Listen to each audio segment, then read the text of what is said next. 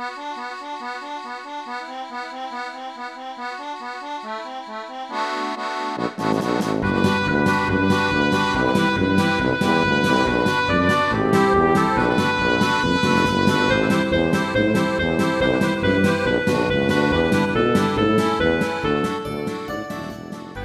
Stefan, Ja, Stefan, vad? Stefan, Stefan. Ja. Du, du, du. Jultomten har varit och hälsat på mig. Va? Jag har fått massa julklappar. Vad har du fått för något? Jag har fått massa julklappar. Fem stycken små julklappar. Jag är i det. Det är du. Det är du. Ja, Så eh, nu är det jul. nu blir det igen.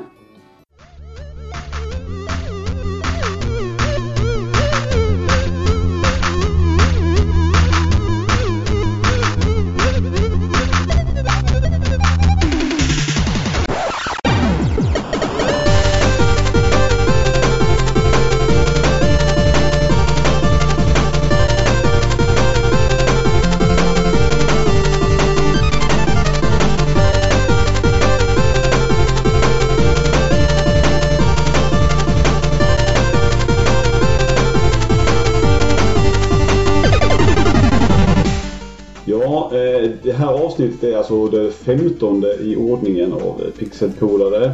Och idag ska jag och Lenny prata om fem europeiska julspel.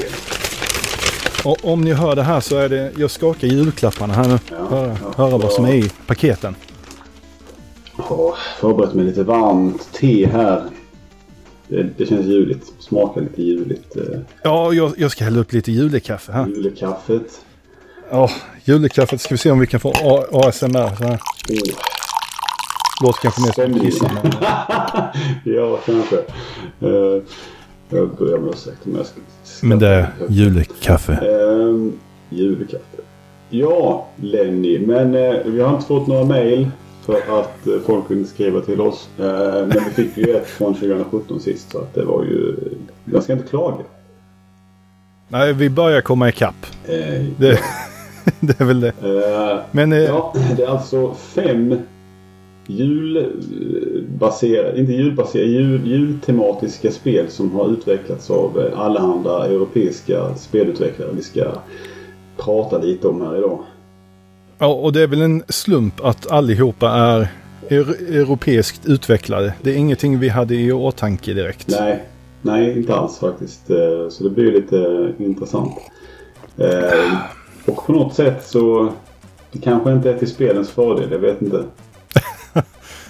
Nej, du och jag är kanske inte mest vän av eh, europeiska spel eh, generellt. Nej, inte... Det, det, fin- det finns ju bra men eh, ja, vi brukar ju gnälla på dem en hel Det är del. ju skillnad på Europa förr och Europa nu. Fast intressant nog så är ju vissa av de här spelen ändå gjorda i viss modern tid. Men det, det kommer inte sen. Eh, jag tycker väl att vi, vi, vi lyssnar på första låten och så, så får vi se vad, det, vad som händer. Nu är det juledags.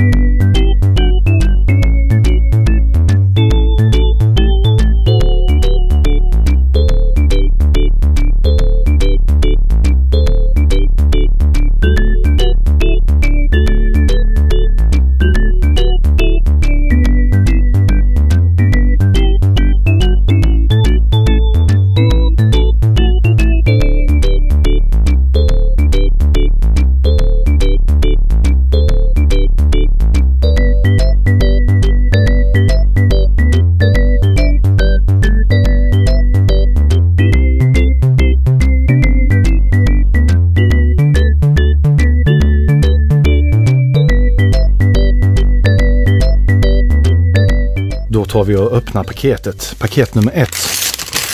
Se vad jultomten har kommit med. Spännande. Ja, men vilken goding!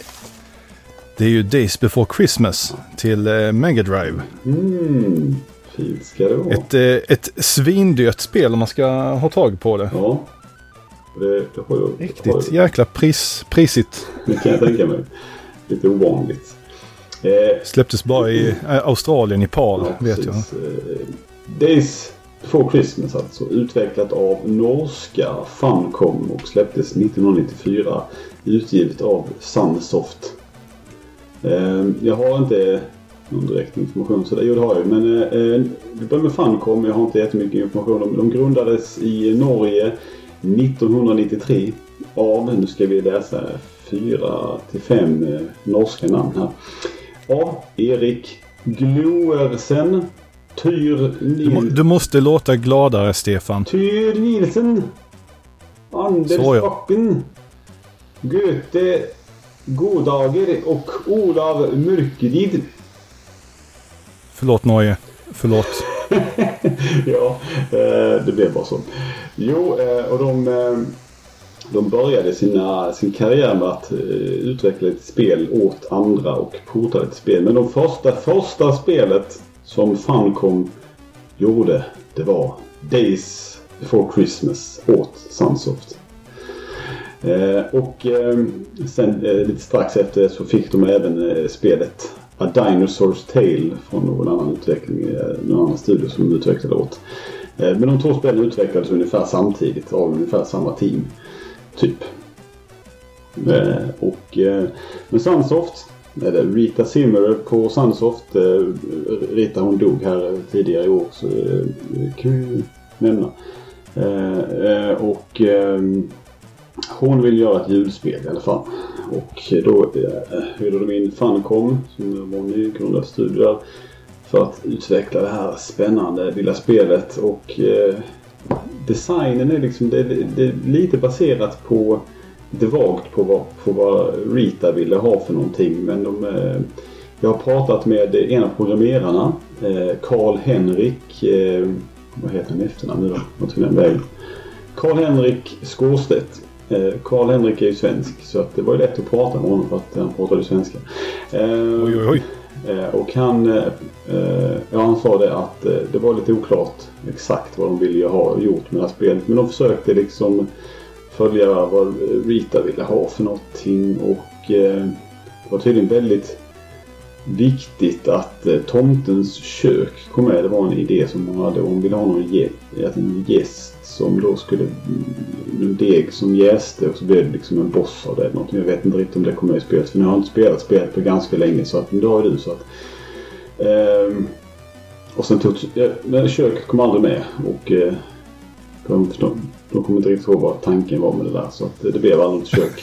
Men, någon degboss. Vilken information du kommer. Ja, eh, eh, men eh, spelet eh, designades till en början av Eh, jävlar vad många sådana här eh, danska ön eller vad fan det är. Björn Röstön eh, var designen eh, och i slutändan kom även Tommy Sydsäter in. Tommy är för oss eh, svenskar i vår ålder kanske mer känd som pytontecknare. Eh, under Benny Klimp bland annat. Eh, eller Dölle Böck. Eh, Dölle Döck som den hette i, i Norge då. Benny Klimp och eh, sen även Re, Res, Resus Minus gjorde han. Det tecknade också i. Men han designade också Days before Christmas. Eh, och, eh, eh det är lite speciellt. Ja, det är en serietecknare som... Och Tommy han ska väl enligt då Karl-Henrik ha lagt till en viss unikt perspektiv på deras speldesign i tiden. Inte, jag har inga exakta mer detaljer. Men hur som helst spelet, de hade väldigt, eh, de hade lite budget och lite tid på sig att utveckla spelet och eh, därför hann de liksom inte riktigt göra så mycket mer än ett spel där man plattformshoppade lite och, eh, och sådär. Men sen när spelet väl var klart, Funcom hade fått det godkänt av både Sega och Nintendo. Då sa Sunsoft ah, vi tycker nog inte om det här spelet så mycket. Vi skiter i det. De sa till, Sans, till Funcom att eh, det blir inget. Vi kommer, vi kommer inte släppa det här spelet.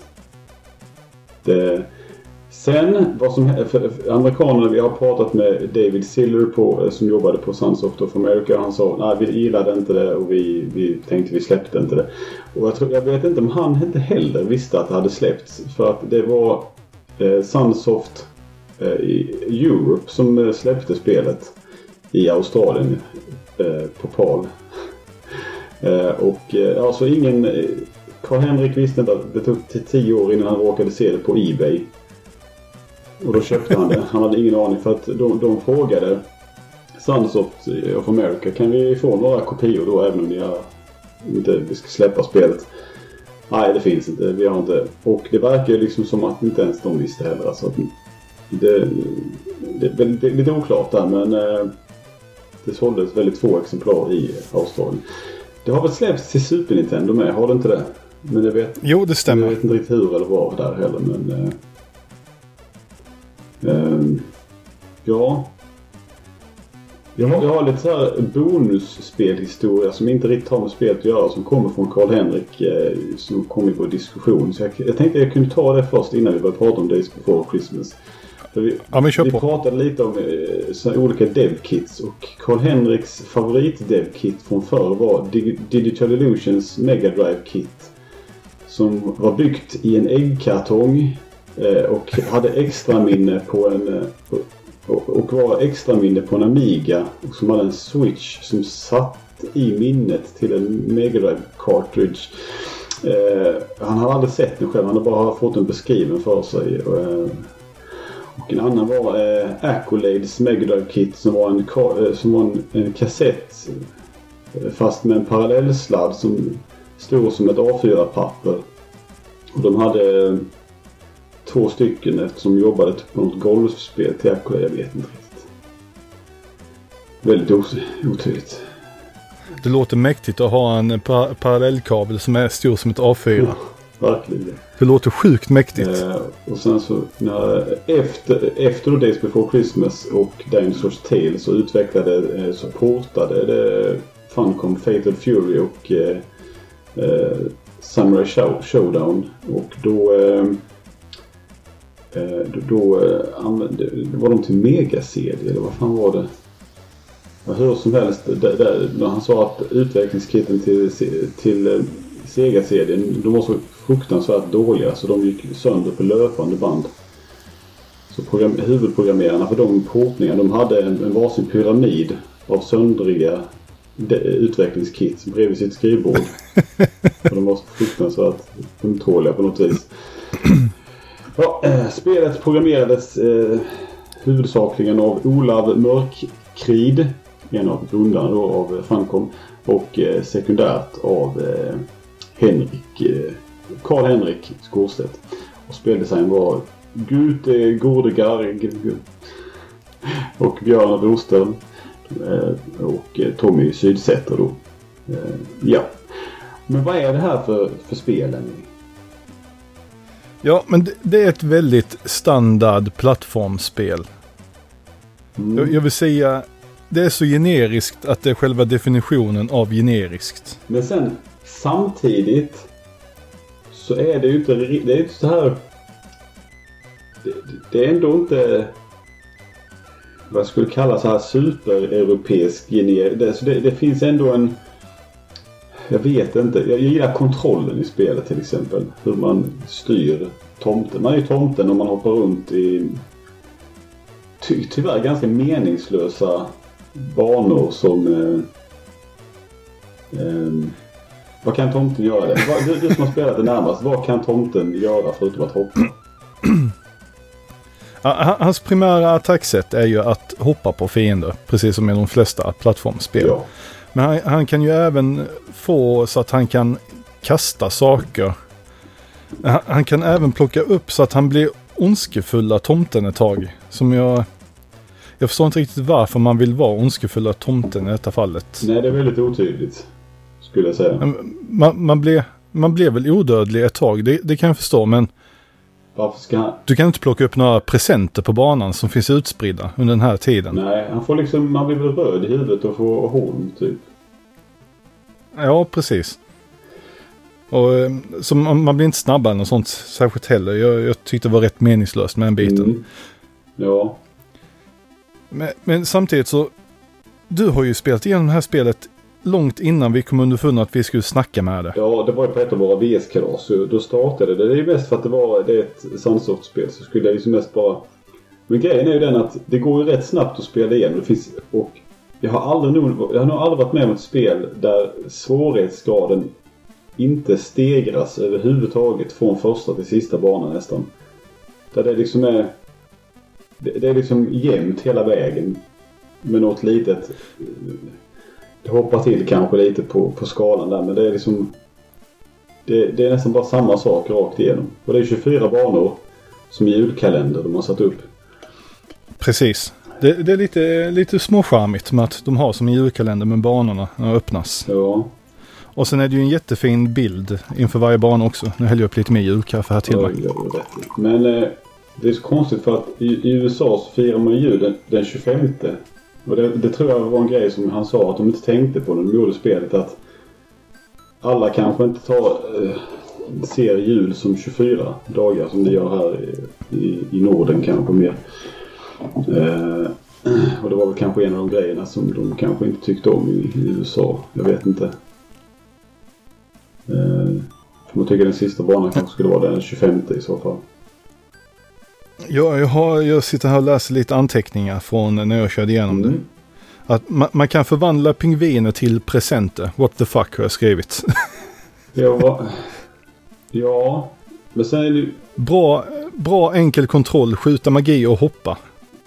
Ja, alltså grejen är att grund, grundmekaniskt så, så, så, är, så är det liksom ett solidt spel. Men det skulle behövt liksom något mer som gjorde det speciellt i vad man faktiskt gör. Och jag vet inte vad riktigt, men... Man... Det är Jag har, jag har skrivit lite längre ner också. Alla blev presenter. Ja, men, men det är det som är problemet med de här generiska plattformsspelen från 90-talet. Det är att det händer ju inget spännande alls.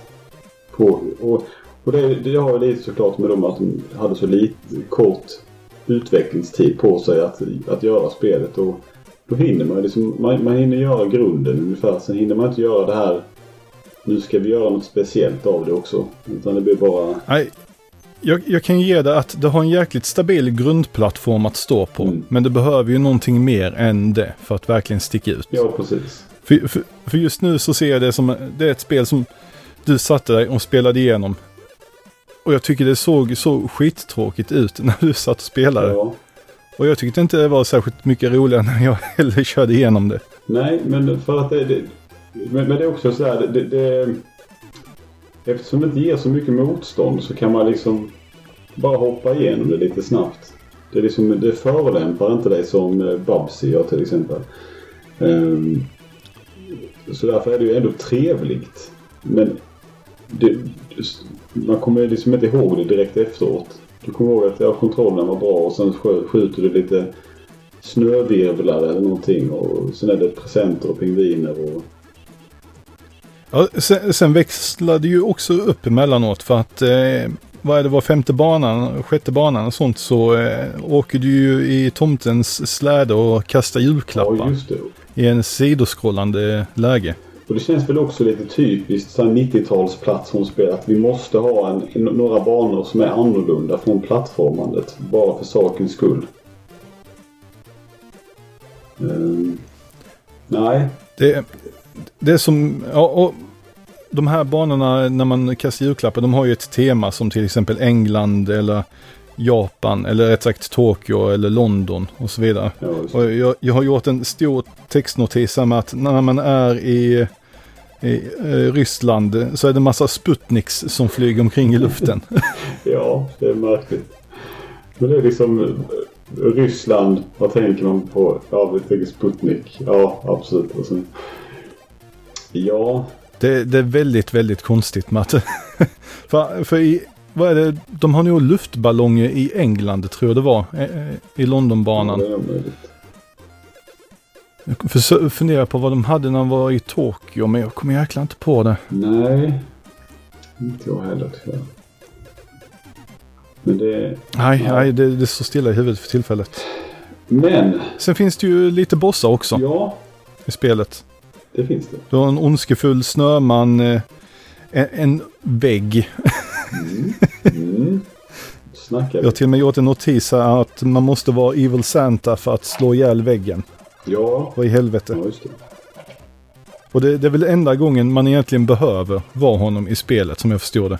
Ja, jag kan inte komma på något annat tillfälle i alla fall. Det kändes alltid... Jag undvek så mycket som möjligt att vara där för att det kändes... För då kunde man ju inte göra lika mycket. Nej, du kan ju slåss med ju- julklappssäcken Mm. när du är Evil Santa. Men du kan ju fortfarande inte plocka presenter. Nej. Vilket är en stor del.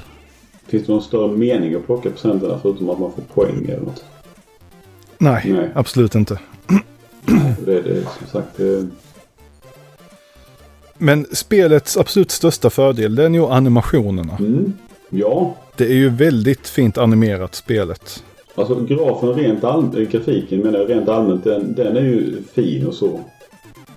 Men det är det här, det... Det är det med spelet som sagt. Det, det finns inget... Det känns inte som att man gör något mer än att man springer runt lite och försöker hitta till, till målet. Ungefär. Ja, det, det känns lite halvfärdigt för vissa av bakgrunderna är också väldigt tomma mellanåt. Men jag vill ändå jämföra med Bubsy en gång till. I att spelet slår mig inte i ansiktet med hur jobbig bandesignen är. Att det liksom är, ser ut som ett jäkla helvete. Att bakgrund och förgrunder inte smälter ihop och det, allt det här. Det är, liksom lite, det är mer tydligt i alla fall. Men då, då kontrar jag också med att Babsy får det i varje fall till att känna något. Till skillnad från Eh, Ja, Days Before det är Christmas. sant. Eh, Ibland kanske ilska är lite bättre än ingenting. Nej, det... Men jag, men jag, jag hade ändå liksom en, en trevlig stund för att, just för att jag... Jag kunde bara hoppa lite och sådär. Och, eh, på tal om att eh, bara kunna hoppa lite och ha en trevlig stund så ska vi ta nästa spel.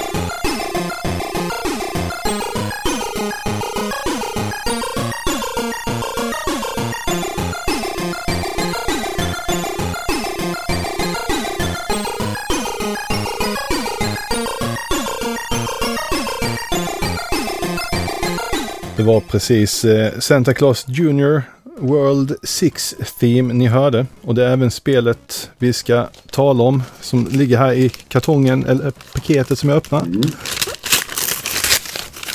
Ja, Jag har lite ASMR så som jag avskyr själv men kör det för er.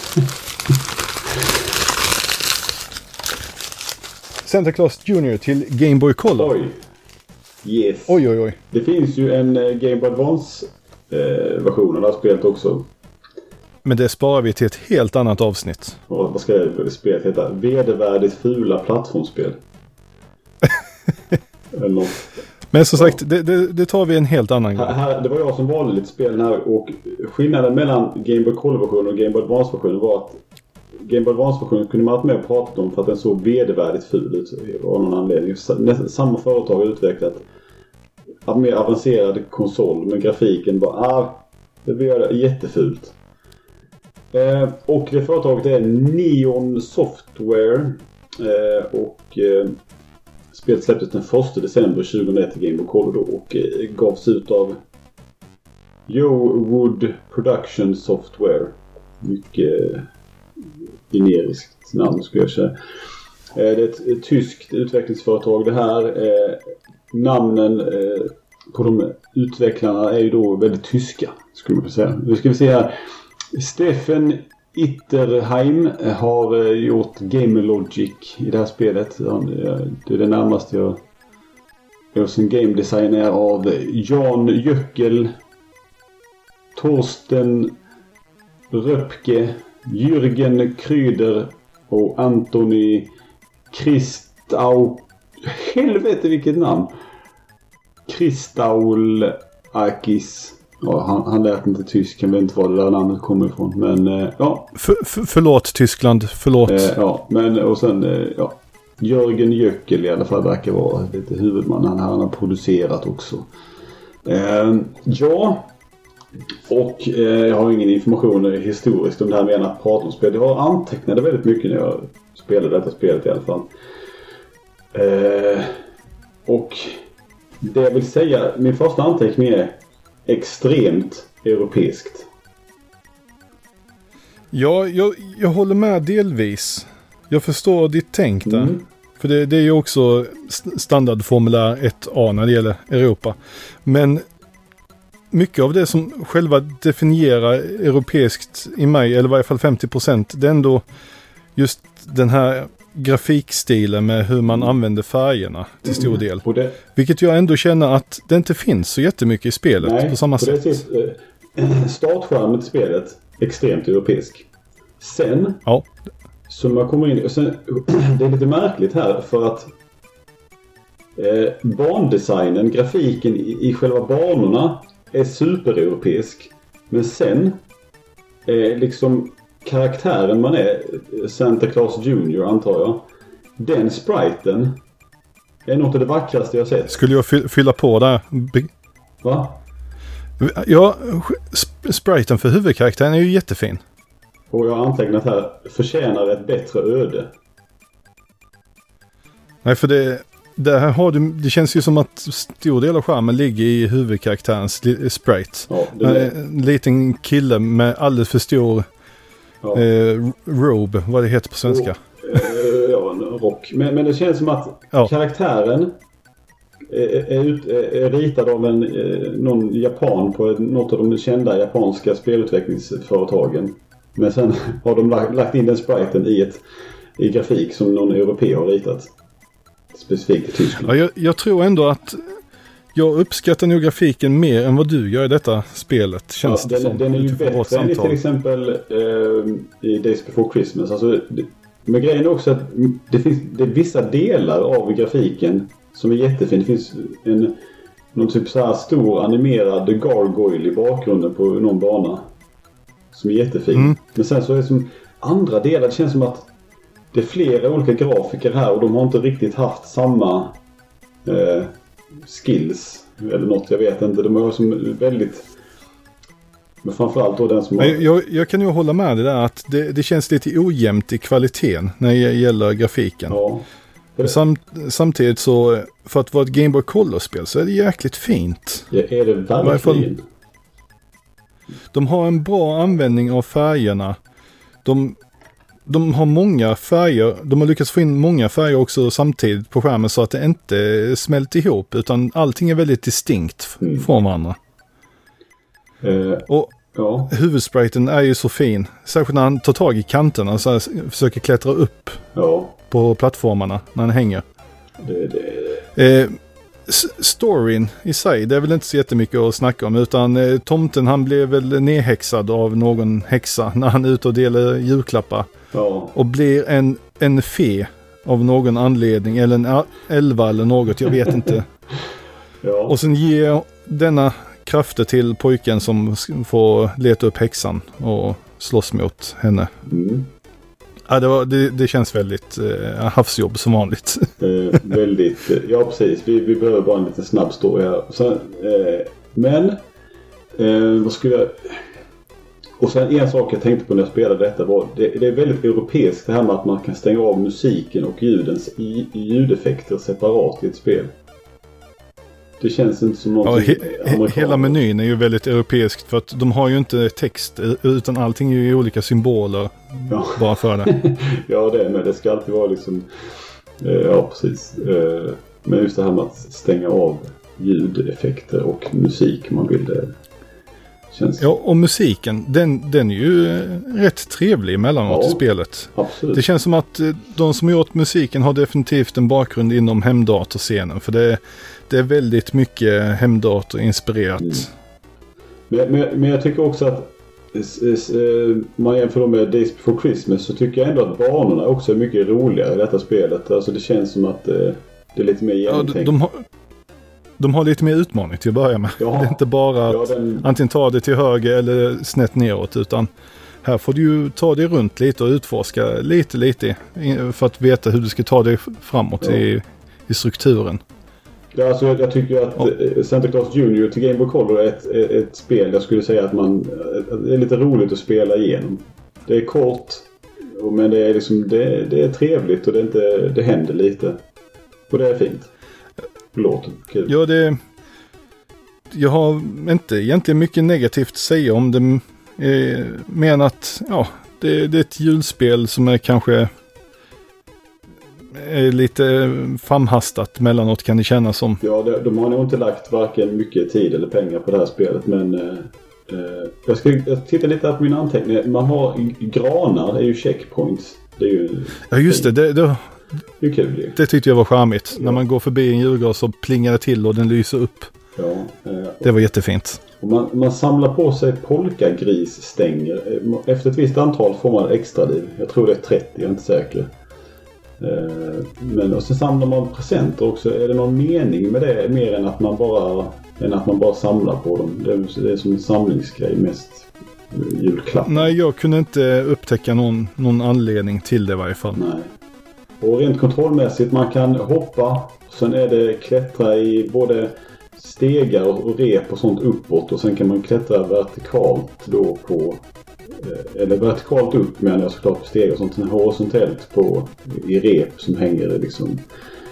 Eh, och då är det lite olika. Man, kan, man kan hoppa från repet för ibland så är det fåglar och grejer som ska vara i vägen där så man måste undvika dem. Eh, Och sen, Och även de här jäkla molnen som blåser på en. Ja. Och håller man då i ett rep så tappar man taget från Ja, repet. precis. Målen blåser i vägen och sådär. De, de gör ingen skada om man rör molnet i sig tror jag inte men man, de blåser i Nej. vägen. Och sen kan man som du sa innan klättra upp på kanter och sen kan man man dödar ju fiender i detta. Det är ju som Mario då att man hoppar på fiender för att eh, ha ihjäl dem.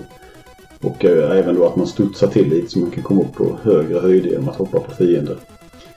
Vilket är en eh, trevlig, ger en viss, någon form av djup i spelmekaniken i alla fall. Eh, Och man samlar på polkagris, stänger julklappar, extra livs, huvuden och hjärtan. Och hjärtan ger hälsa såklart. Jag har skrivit upp ett exempel på fiender i det här spelet. Blåa katter, Mm. röda katter. Eh, Det var allt. blåa katter, de, om man står framför dem så, så, så klöser de medan röda katter de gör ju en hoppattack.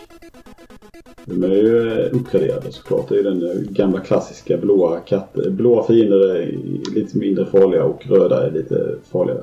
Ekorrar som kastar nötter. Fyrverkerier, istappar, moln som blåser bort en och moln som blixtrar ner på en. Fåglar som flyger upp och ner vid kablar oftast när man klättrar så man måste hoppa förbi dem. Dykande fågel.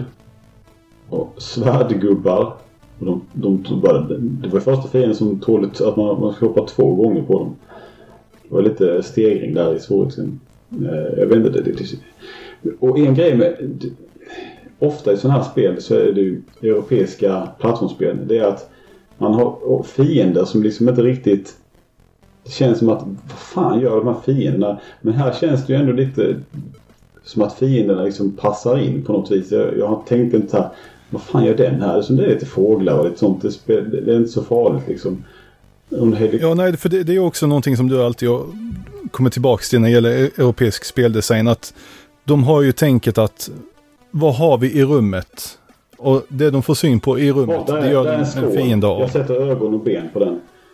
Typ. Ja, så nu har vi en fiende. Vad har vi mer för något? Ja, Jag, jag tittar ut genom fönstret. ja, En gaffel. Ja, en gaffel. En gaffel. Vad som helst. Det är liksom, ja just det. Jag, vad är det för tema på spelet? Skitsamma. Jag har ju en gaffel nu och den hoppar och ögon. Eh, och sen är det någon fiende med helikopter. Sen kommer det ännu mer fiender. Eh, och sen finns det ju dolda bonusbanor också som man kan råka Mm. hoppa in i som är lite så här. Man, man hoppar till, man liksom rör punkten i luften där den finns så flyger du till en bonusbana där du samlar lite julklappar väl, tror jag. Ja, du, du har ju en, eh, en timer på dig att försöka samla allting som finns på banan. Och det finns ju alltid ett extra liv på den här bonusbanan. Ja, precis. Ja. Det var lite kul. Man hittar dem emellanåt. Mm. Man bara zoomas iväg plötsligt. Eh, nej, men allt som allt ett, ett ganska trevligt litet eh, plattformsspel till Game Boy Color. Ja, helt klart. Jag, hade jag sett det billigt någonstans så jag kan ju definitivt tänka mig att köpa spelet. Mm. Utan en större bekymmer. Jag skulle, jag skulle testa det... Game Boy Advance-spel. Det, det, det, är samma företag men jag har kollat upp det är inte alls samma team som har utvecklat den versionen. Jag tror den kom samma år. Eh, och där är ju grafiken till skillnad från eh, detta helt, alltså jag vet liksom inte vad som hände man ska inte titta på eh, det roliga med spelet men, men Santa Claus Junior till Game Boy Color. Omslagsbilden, har du sett den Lenny? Nej, det tror jag inte jag har sett. Jag ska, jag, jag ska göra så att jag, eh, jag skickar den till dig här lite snabbt i, eh, så, så får du kommentera på den. Eh, den är...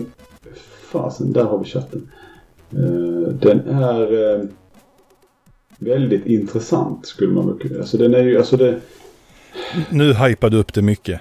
Jäklar vad du hypar upp det. Det är ju det, är ju det här med... Det, det känns också europeiskt på något vis att... Eh... Ja, jo, jo den, den, har jag sett. den, den, kan vi ju snacka en bra stund om. Och det, och det, här, det, här, är på något sätt så här... Så här ser ofta så här homebrew-spel nu för tiden har omslag som är så här vältecknade. Om någon som inte riktigt kan teckna men eh, Ah, vi låter honom Han göra försökte det. i varje fall. Ja. Eller personen försökte. Det här känns som ett... Det är väl det som räknas.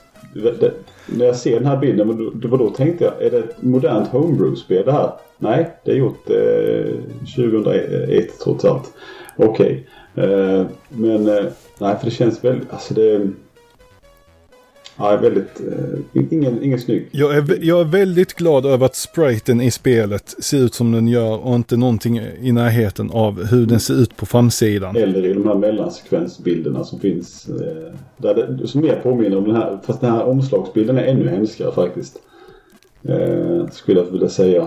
Eh, så, eh, ja men en dag så kanske vi också pratar då om eh, Santa Claus Junior Advance. Men man vet, man vet aldrig. Eh, ja, har du något mer att säga om Santa Claus Junior Lenny? Nej, det, det, det, var ett trevligt spel. Trevligt. Bättre än jag trodde att det skulle vara. Ja, absolut. Och jag valde detta just endast baserat på att jag såg hur eh, spelarspriten såg ut. Karaktärsspriten där. Så det var ju ett, ett bra val kanske. Det hoppas jag.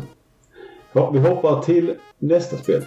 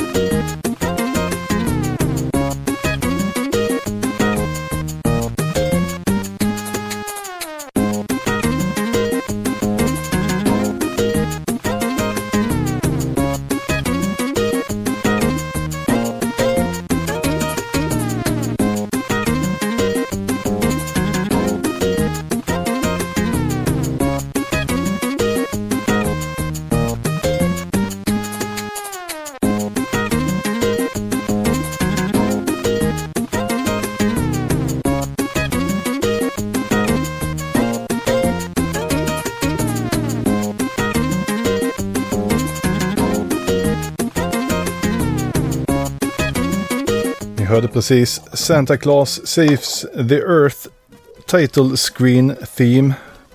Och öppnar vi paketet och så ser vi. Ja, det är Santa Claus Saves the Earth till GBA.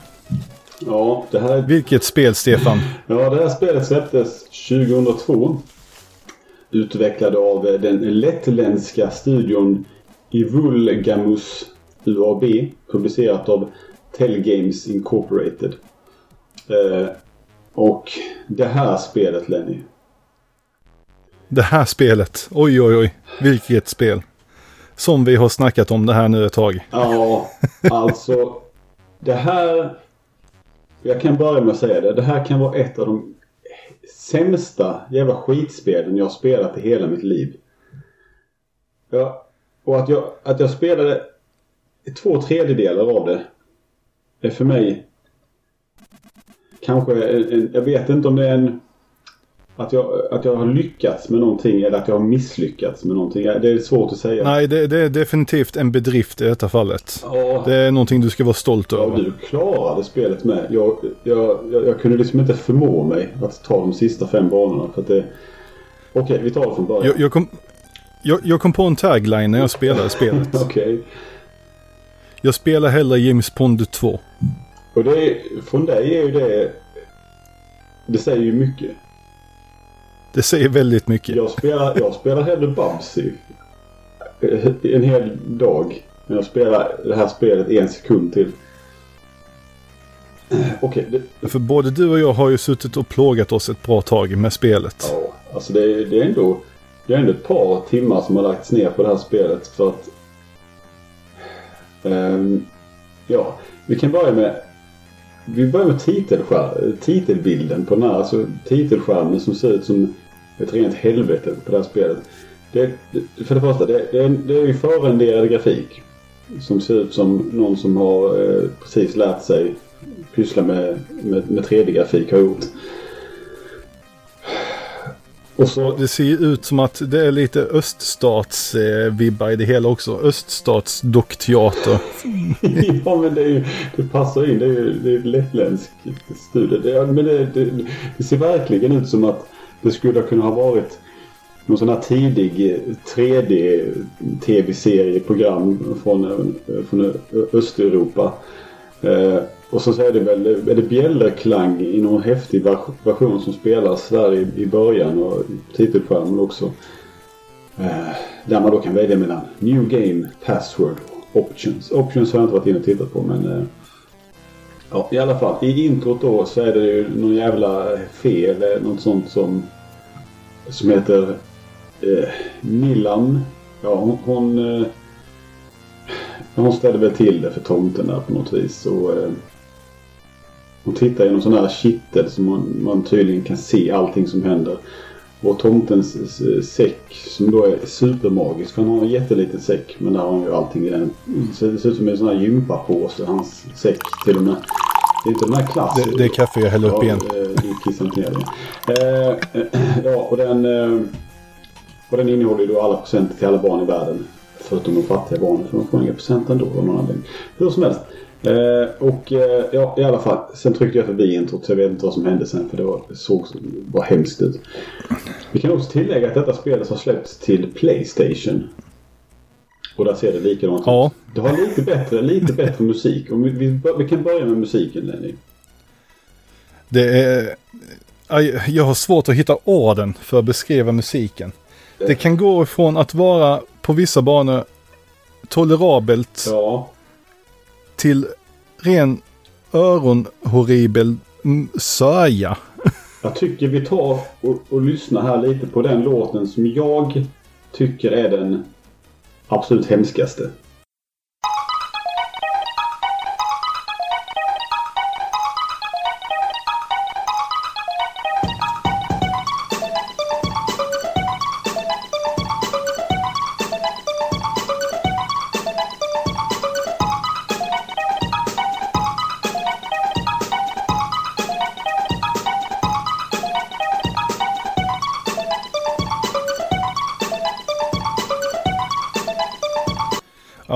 Det, är ju en riktigt horribel låt, Stefan. Och alla låtarna är liksom så här. Det låter liksom som att någonting bankar i huvudet på en hela tiden. Även, även en låt som du, om du koncentrerar dig så kan du tänka. Ja den är rätt hyfsad ändå. Men sen så är det något, så här, något drönande i dem. Man, man liksom, när jag satt och spelade spelet, jag satt liksom och nickade till musiken. För det är någonting i... jag vet inte. Det är, Transaktigt, Ja, det- hypnotiskt. Det är liksom någonting man sitter och bara... Och alla låtarna är lika på samma vis. Även om de låter väldigt olika. Men men, ja, det är så horribelt. Och spelet, man, man får det som en, en, en känsla av någon sån här 90-tals... Eh, eh, multimedia eh, educational känsla på något vis. Det är liksom lågbudget så in i helvete och det är, man, ingen har lagt ner en milli, ett milligram själ i det här. Men... All, allting känns väldigt alltså, ruschat och gjort bara för att kunna få ut en produkt inför julen som små eller ovetande barnföräldrar kan köpa till barnen. Ja. Och, det är lite cyniskt. Nu ska vi se, vad har tomten för förmågor och egenskaper? Jo, han kan gå. Han kan titta upp och ner så man kan ju se liksom, Och det är lite för att, jag tror inte man kan göra det i Playstation-spelet. Men det är ju för att i Playstation-spelet så ser man mer av banan. Men här i Gameboy så är det ju det är samma grafik fast det är liksom inzoomat. Så då måste man kunna titta upp och ner för att annars hade man ju inte kunnat se vad som var nere, eh, speciellt nere. Och vid många tillfällen så kan man inte se det heller. Utan ja, här är ett hål, här verkar det, är det några grejer man kan samla. Då hoppar jag ner där. Ja, det är bara taggar. Och du kan inte komma upp. Jaha, tack. Det var ju snällt. Det stöter man på några gånger, ja. och det är liksom enda sättet att, att, ta vissa grejer. Det är att trilla ner där och sen dö. Uh, uh, ja, så kan man då slå med den här gympapåsen. Och det är lite märkligt för man, man, man, kan hålla, man håller in knappen. Så, som, liksom så länge man håller in knappen så, så viftar den fram och tillbaka. Det är som, som en animation. Och sen stannar du. Alltså man, du slår, du, du, kan inte trycka en gång så slår han med den. Utan du måste hålla in knappen medan hela svingen görs. Det är liksom som att du startar. Du håller in så länge, ja, det är jättekonstigt. Eh, och sen så måste man ju försöka tajma de här svingarna när man går på fina. Och samtidigt som man svingar med, med påsen så åker han bakåt. Så man måste trycka framåt för att åka. Ja, och det, det störde mig, eller rätt sagt, det la jag märke till rätt tidigt också att man måste tajma svingen. Ja. För att ha, se, ser du animationen att påsen är vid sidorna så kommer du inte att träffa fienden heller. Och du vet inte riktigt var, var gränsen går för att träffa motståndare. För att det är Nej. verkligen ingen bra hit detection överhuvudtaget i det spelet. Och när, när, när, när påsen är längst bak i svingen då kan man träffa en fiende bakom sig. Upptäckte jag också. Av misstag. Eh, det, det, låter ju lite konstigt men ja, varför inte? Ja. Eh, ja. precis, men sen så kan då, han kan ju klättra i stegar och precis som i, i Santa Claus Julius kan nog klättra i, i sidled också. Horisontellt på några kedjor är väl oftast. Eh, gå genom dörrar och eh, ja, precis. Sen så kan man ju få lite power-ups också. Men man kan också, om man hoppar upp på en kant så kan man ju liksom, han, han tar tag i kanten och sve, sväng, hoppar sig upp. Alltså man han drar ju sig upp. Han, han flippar sig upp. Lite snabbt. Eh, men det, det är bara när man kommer liksom Och det är en horribel animation. Ja, det är det verkligen. Jag bara sa det, man samlar på saker också ja. Helt oväntat. Ja, du, du har ju lite power-ups också. Ja. I detta fallet.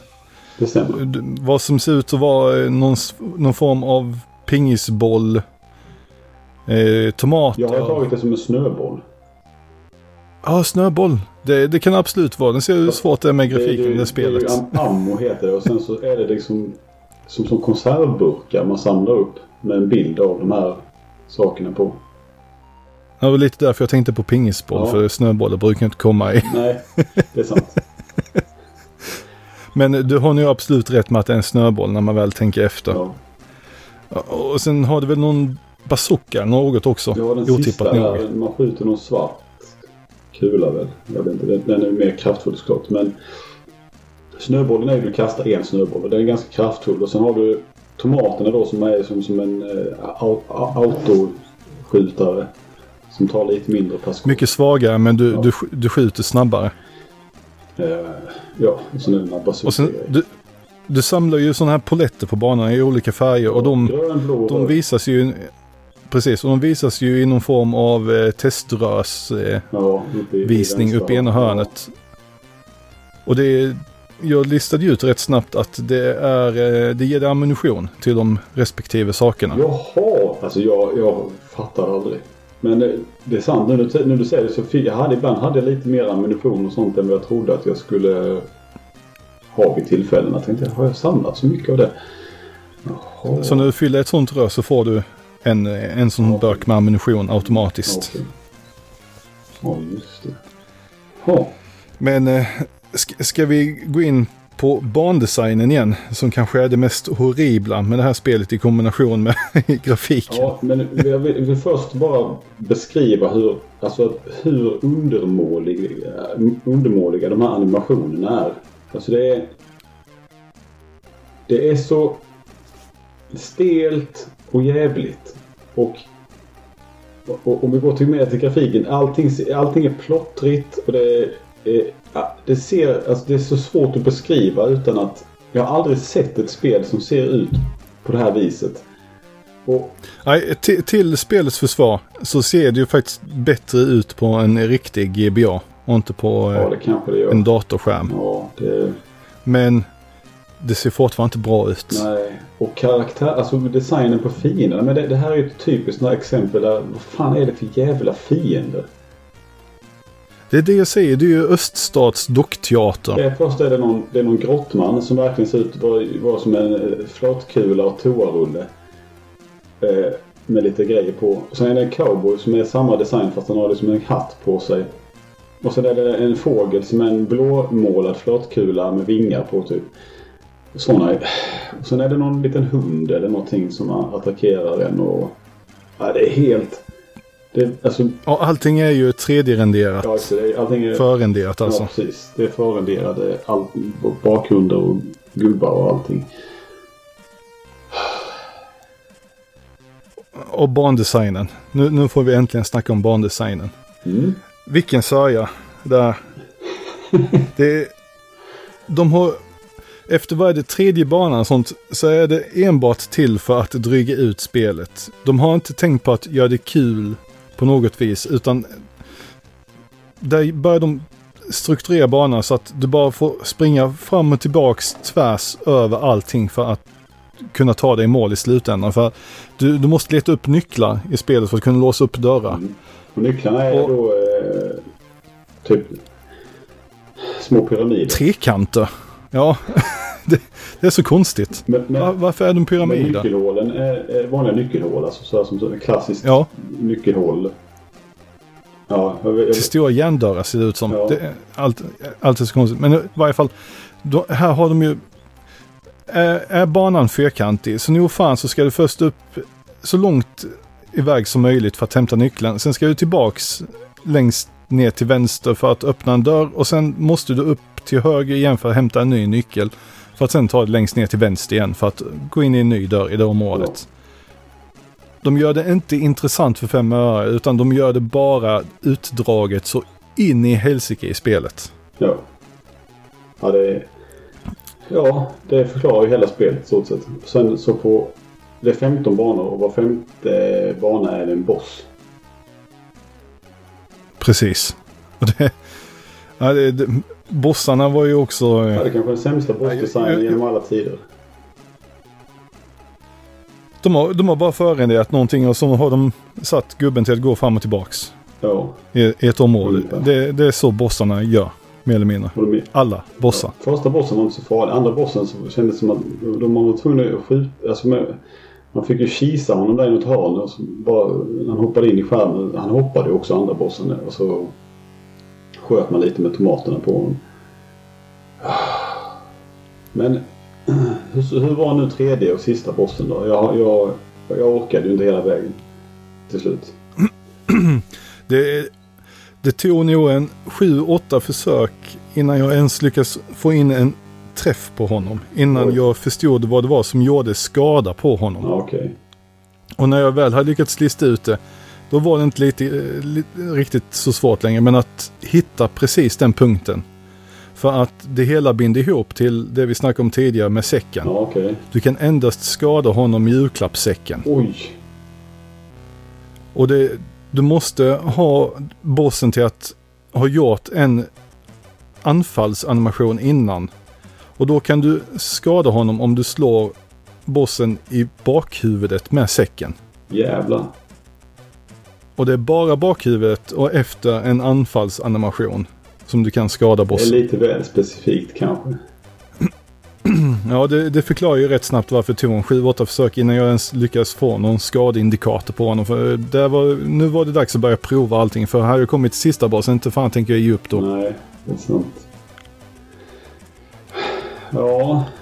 Eh, Det- Vi kan väl säga att vi inte rekommenderar att man spelar eh, Santa Claus Saves the Earth till Game Boy Advance. Ja, tvärtom.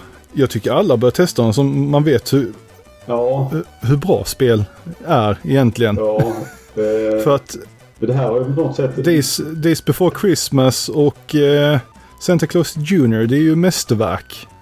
när, vi, när vi har spelat det här Ja, spelet. jag tror, alltså de, det, det, har, det är någon form av nytt så här lågvattenmärke för min del. Alltså vad som är hur dåligt det kan bli. Jag har liksom, alltså, hur, alla spel jag har sagt är dåliga. ah, De är lite bättre än detta i alla fall. Det här är att, ja, och sen den här jävla drönande musiken eh, som man får mardrömmar av typ. Som, så, Jag spelar hellre James Pond 2. Ja, det säger så mycket. Och jag spelar hellre Babsy-trilogin. Nej, nu tar vi nästa spel Lenny.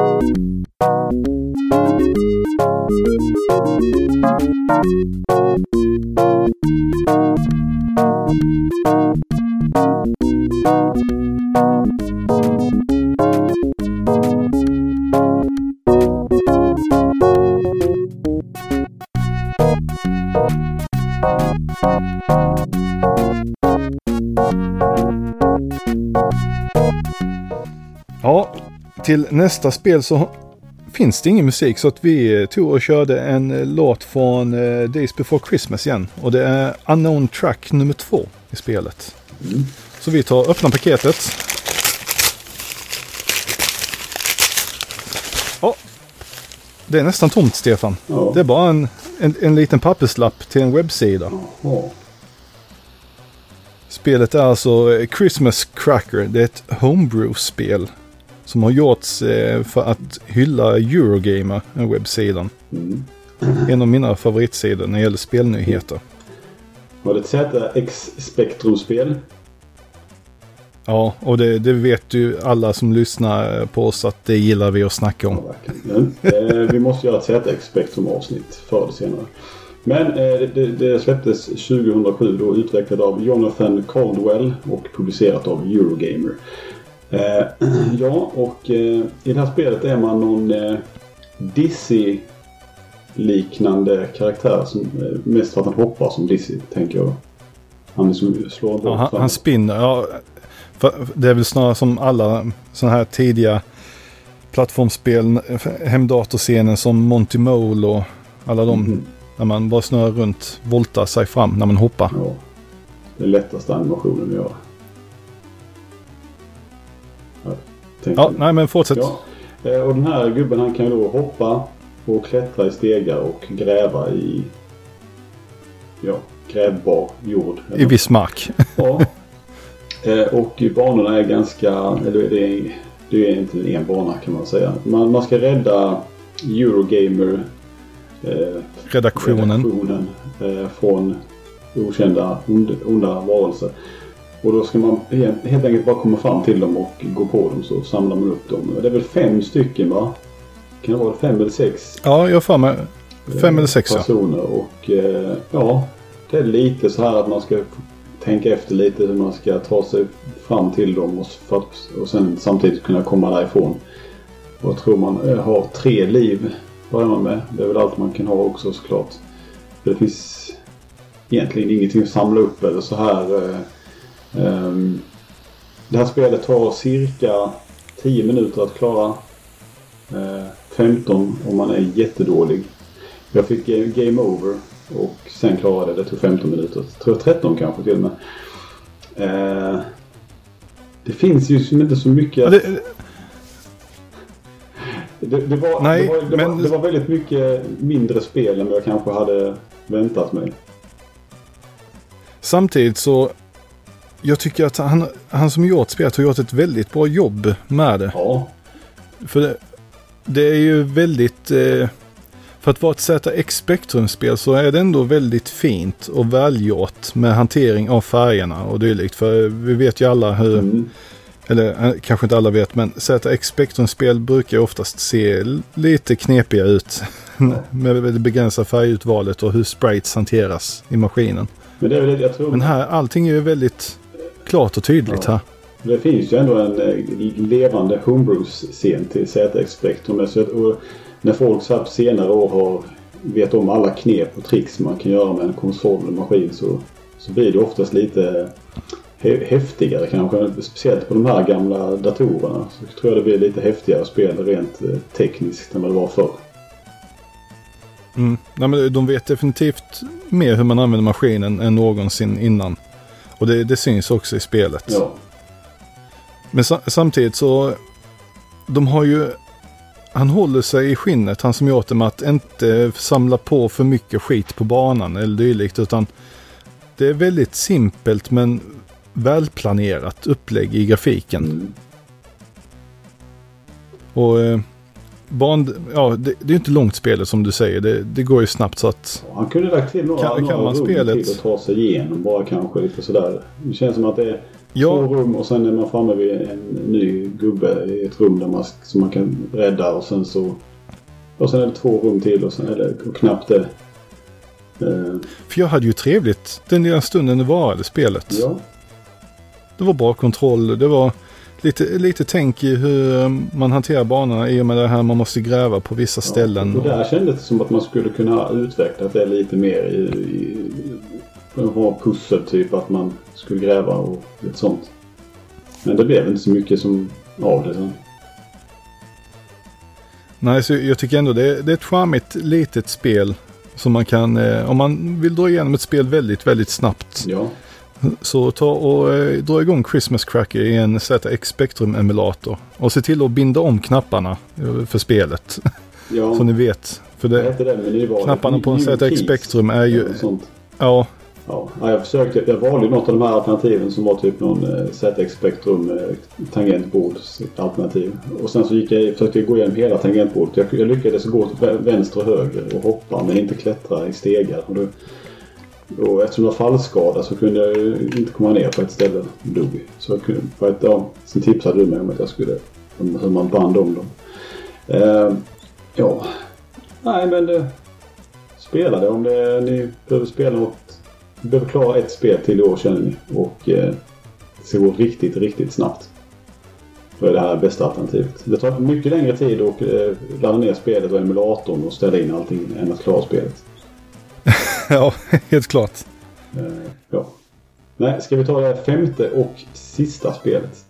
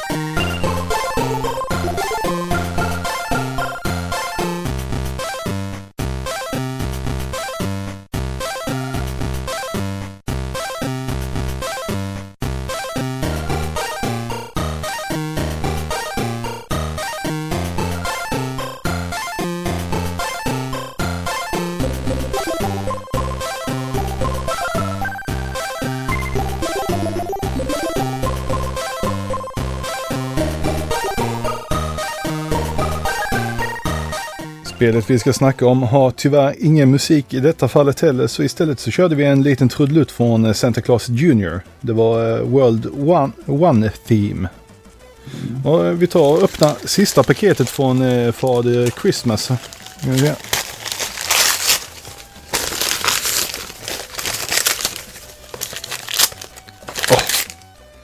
Ja men Stefan, det är en till nedladdningskod här.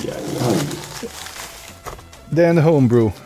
Och det är Stay Frosty 1 plus 2 vi ska snacka om. Ja, det här är då eh, eh Atari 2600-spel utvecklade. Eh, tvåan kom 2013. Jag antar att eh, ettan kom lite tidigare. Eh, det, och de släpptes på Atari Age.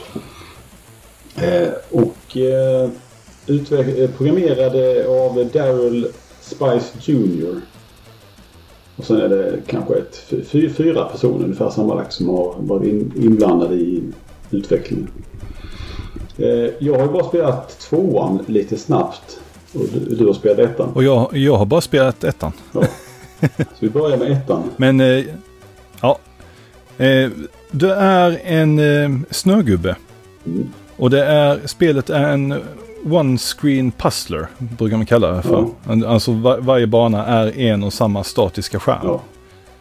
Eh, du som snögubbe ska ta och släcka ett antal bränder eller eldar på varje bana.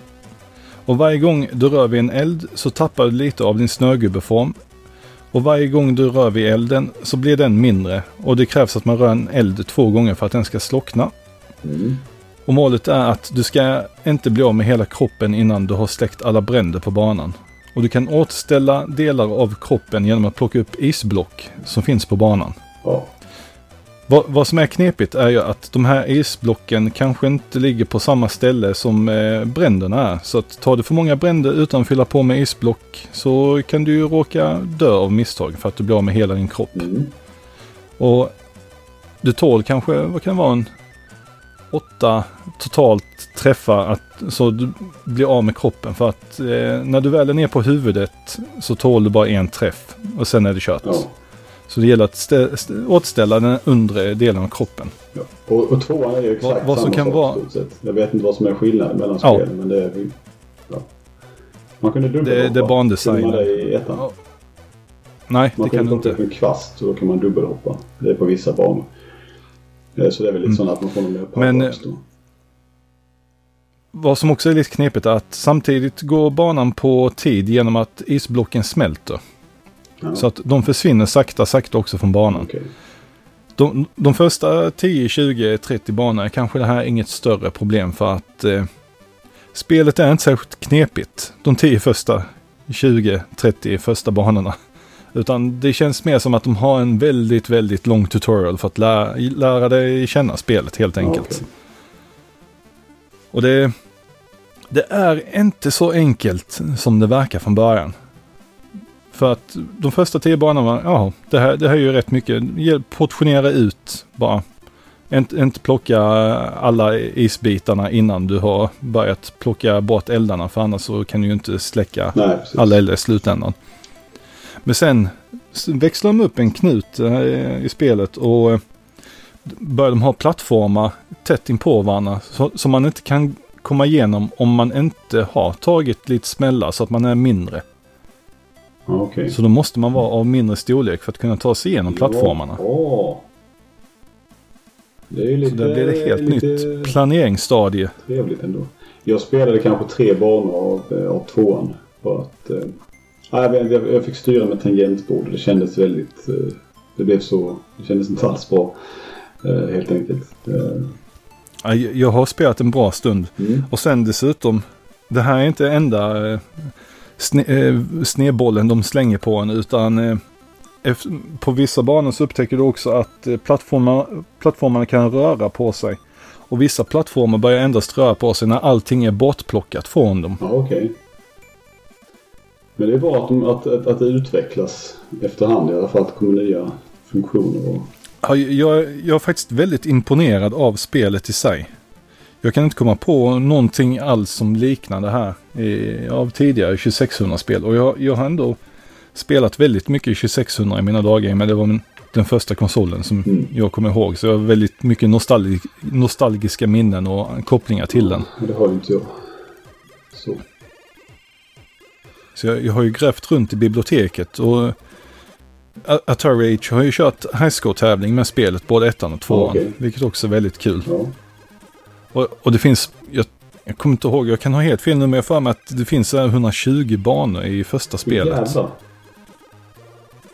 Ja, Eller så är det i andra spelet det är 120. Det är något av spelen i alla fall som jag är nästan helt säker på har 120 banor. det är, Så det, det är ju en hel del. en hel del. Skulle jag aldrig åka med igen. Men det, jag gillar hur snögubben ser ut också. Han är väldigt fin. Ja, det är väldigt, väldigt simpelt men det är också väldigt fint. An, utnyttja medel i simpel, simpelheten. Det, det är ju 2600 så du kan ju inte göra hur mycket Nej, du, du vill med grafiken. Nej, Den är väldigt enkel. Det är en svart bakgrund, så rödbruna plattformar. Isblocken är vita med inslag av blått och sen har du eldar som är röd-orangea. Och sen har du en snögubbe med, med sitt glada leende på sig. Mm. Ja just det, en detalj är att ju mer, ju mer som har försvunnit av kroppen desto längre snöstråk har du efter dig när du springer omkring med Mm. honom. Det tyckte jag var lite charmigt. Ja, just det. Han smälter ju liksom bort av elden. Ja, Ja, nej det det, var fint. Jag tyckte det var eh, Jag ska nog testa Väldigt, lite. underhållande. Testa lite mer i alla fall kände jag. Men jag hade inte riktigt tid att spela nu innan vi skulle spela in. Jaha, men Lenny. Vi, I förra avsnittet så glömde vi utse avsnittets spel. Ja, det, det glömde vi. Ja, Och Ska, ska vi ta och nämna lite snabbt? ja, det tycker jag. Vi har Ja, för min del- Vi, vi har ju samma spel där har vi kommit fram till. Ja, jag tänkte precis säga att för min del, som för din del, så är det nog Prince of Persia om jag inte minns vår diskussion helt Nej, fel. det stämmer. Och det är lite för att det är ju grunden till det hela. Och även om jag gillar delar av de andra spelen som kom efter och som inspirerades av det så är ändå Prince of Persia någonstans eh, bäst. Jag, jag tycker att det håller fortfarande dessutom spelet. Mm. En dag kanske ska åka Ja, med. ska vi- Finns det något Prince, Prince of Persia där man inte har tidsbegränsning? Det hade, då hade jag kunnat tänka mig att klara spelet. Jag, jag tror inte att det finns, men eh, om du ska ha en liten enklare version så kan du ju köra den här remaken som släpptes till eh, Xbox Live Arcade. När jag Som jag snackade lite snabbt om. titt på det. Jaha, men eh, det här avsnittet spelar Lenny. Vad har du för eh, Ja, kandidat? det, det var faktiskt... Jag stod och skiftade mellan Santa Claus Jr och eh, Stay Frosty. Men eh, det blev Santa Claus Jr i slutändan. Ja, det, det, det, är också, det är mitt också. För att det är ändå ett, ett vettigt spel liksom. Det är ett helt OK spel hade jag beskrivit det Helt som. okej plattformsspel Eh. Game Boy Color. Ja, det, det är inte offensivt direkt eh, Nej. någonstans. eh, Men det, är inte, det håller inte sig tillbaka särskilt mycket heller. Utan Det, jag kände att det, det gärna hade fått vara lite längre till och med när jag spelade. Det var väldigt snabbt över men det, jag kände att det kunde fått vara några banor till. ja, det, det hade jag nog. Jag tycker de kunde haft kanske lite mer intressant bandesign i vissa Ja, lägen. Men det- längden tyckte jag var rätt lagom. Jag var, jag var mätt på spelet där. Ja, okej. Ja, nej men det, det var trevligt. Men eh, som vanligt så vet vi inte vad vi ska prata om i nästa avsnitt heller för att eh, det är lite... Det meddelar vi i så fall Det- det- så vi kan kommentera på de spelen när vi har bestämt oss. Ja, och det här var egentligen bara till för att ge alla våra lyssnare en, en julklapp. Lite så här hastigt påkommet. Ja, och precis. Så valde vi ett gäng höjda spel. Eh, och snacka om. det visar sig att Som vi har plågat oss själva. Julgenren kanske inte riktigt är tv-spelens höjdpunkt. Definitivt inte. Det känns som alldeles för mycket kommersialism i detta fallet med att prångla ut för att ha någonting att sälja till Ja. småbarn. Tyvärr. Det är synd. Men eh, ja, ni får ha en god jul och eh, jag hoppas att ni får många fina julklappar. Vi önskar er alla god jul, gott nytt år och sköt om er.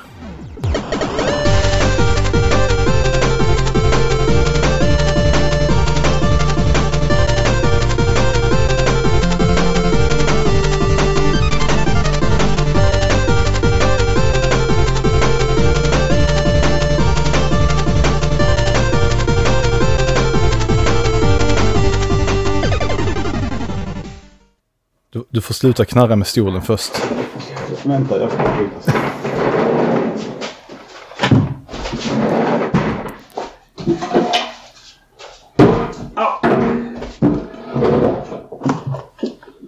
Oh jävlar, jag ska ha den här. Sitta i datorn hela tiden. Mycket stabilare och godare.